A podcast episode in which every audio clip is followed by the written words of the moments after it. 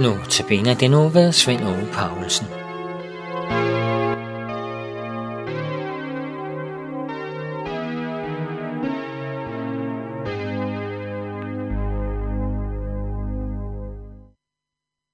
Og nu vil vi høre et nogle vers fra Jakobsbrevet.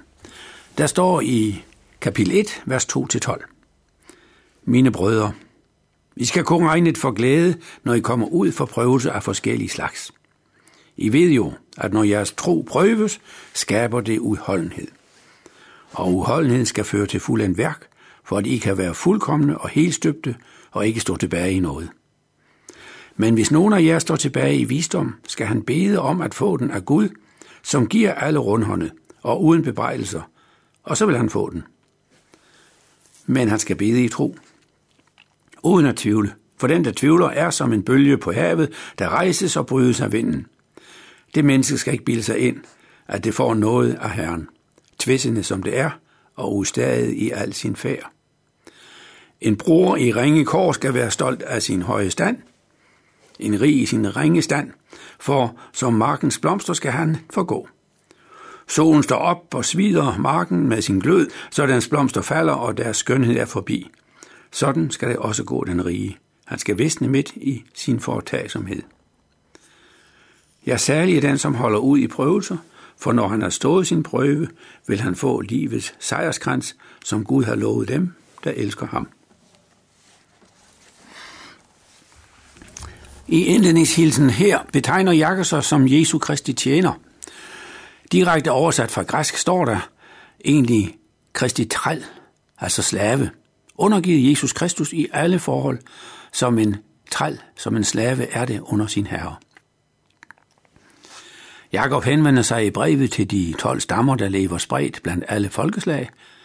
Så Jakob, der havde en meget stor menighed i Jerusalem, udvider her med brevet sit virkefelt til alle af jødisk æt i diasporaen, altså jøder i adspredelsen, jøder uden for Israel. Og indlægsvis opfordrer han de jøder, der er blevet kristne, til at se med glæde på, når prøvelser af forskellige art rammer dem. Det er tegn på, at Gud nu er i gang med at arbejde på også deres discipleskab. Deres herre og mester, Jesus døde jo, blev slået ihjel på grund af det budskab, han bragte. De, hans disciple, skal ikke være indstillet på et andet lod i deres gerning med at udbrede hans lære. Og så skal de være klar over, at Jesus viste, at han talte sandt, netop ved at han ikke forblev i døden, men opstod. Som det klareste bevis på, at han var sendt fra Gud, jeg selv var Gud. Så når disciplene kommer ud for den samme modstand, som Jesus var ude for, så skal de med glæde se i øjnene, at Gud er med i også deres virke, netop gennem prøvelserne, som Gud jo i sidste ende styrer. Og det gør han med dem, han vil gøre disciplene fuldkommende, helt støbte kristne. Ikke lade dem forblive usikre og søgende i deres virke, men helt støbte. De skal få indgående kendskab til Gud. Og netop det er jo under oplæring problemet. Den nye disciple ved ikke nok. Og det er situationen her blandt de tidlige kristne. Disciplene står tilbage i visdom, i kendskab til Gud, og hvad Gud egentlig vil. Og det måtte jo være tilfældet netop her i den tidlige kristenhed, hvor meget ikke var nedskrevet endnu.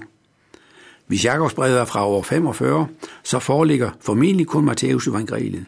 Det er skrevet færdigt omkring år 40-41, og det foreligger kun i et enkelt eksemplar her, hvorfor, hvorfra man nu rundt omkring er i gang med at lave afskrifter. De tre andre evangelier er formentlig først nu ved at blive færdigskrevet. Ja, Johannes evangeliet kommer først om 15-20 år.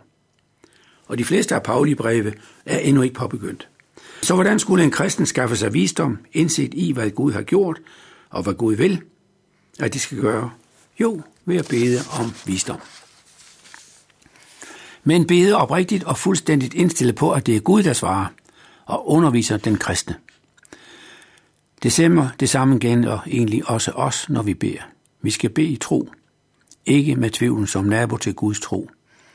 Det ved vi godt kan være svært, for er der noget om snakken? Eller er det blot fromme indstillinger og tale, vi hører om i kirke og missionshus? Eller kan Darwin have ret i, at alt er opstået ved tilfælde, og vi forsvinder ud af verden igen, lige så tilfældigt som vi blev født ind på denne jord. Er der mere end i dette liv, end det jeg kan sanse omkring mig? Eller forsvinder jeg, når jeg dør, ind i en ikke-tilstand, i den tilstand, jeg var i, som jeg var i, før jeg blev født? Den overvejende del af danskerne mener nok, at det er situationen. Men et kan vi med stor sikkerhed sige, det er, at Darwin havde ikke ret. Han skrev på det videnskabelige grundlag, han havde for over 150 år siden. Og der skal vi jo huske, at lægevidenskabens eneste helbredelsesmetoder bestod i overladning og blodiler.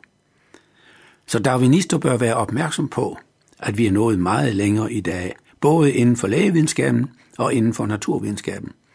Og vi ved i dag, at livet, ja det, der sker i vores celler, styres minut for minut, sekund for sekund af et forløb, som vi ikke selv er herre over, og heller ikke selv har sat i gang.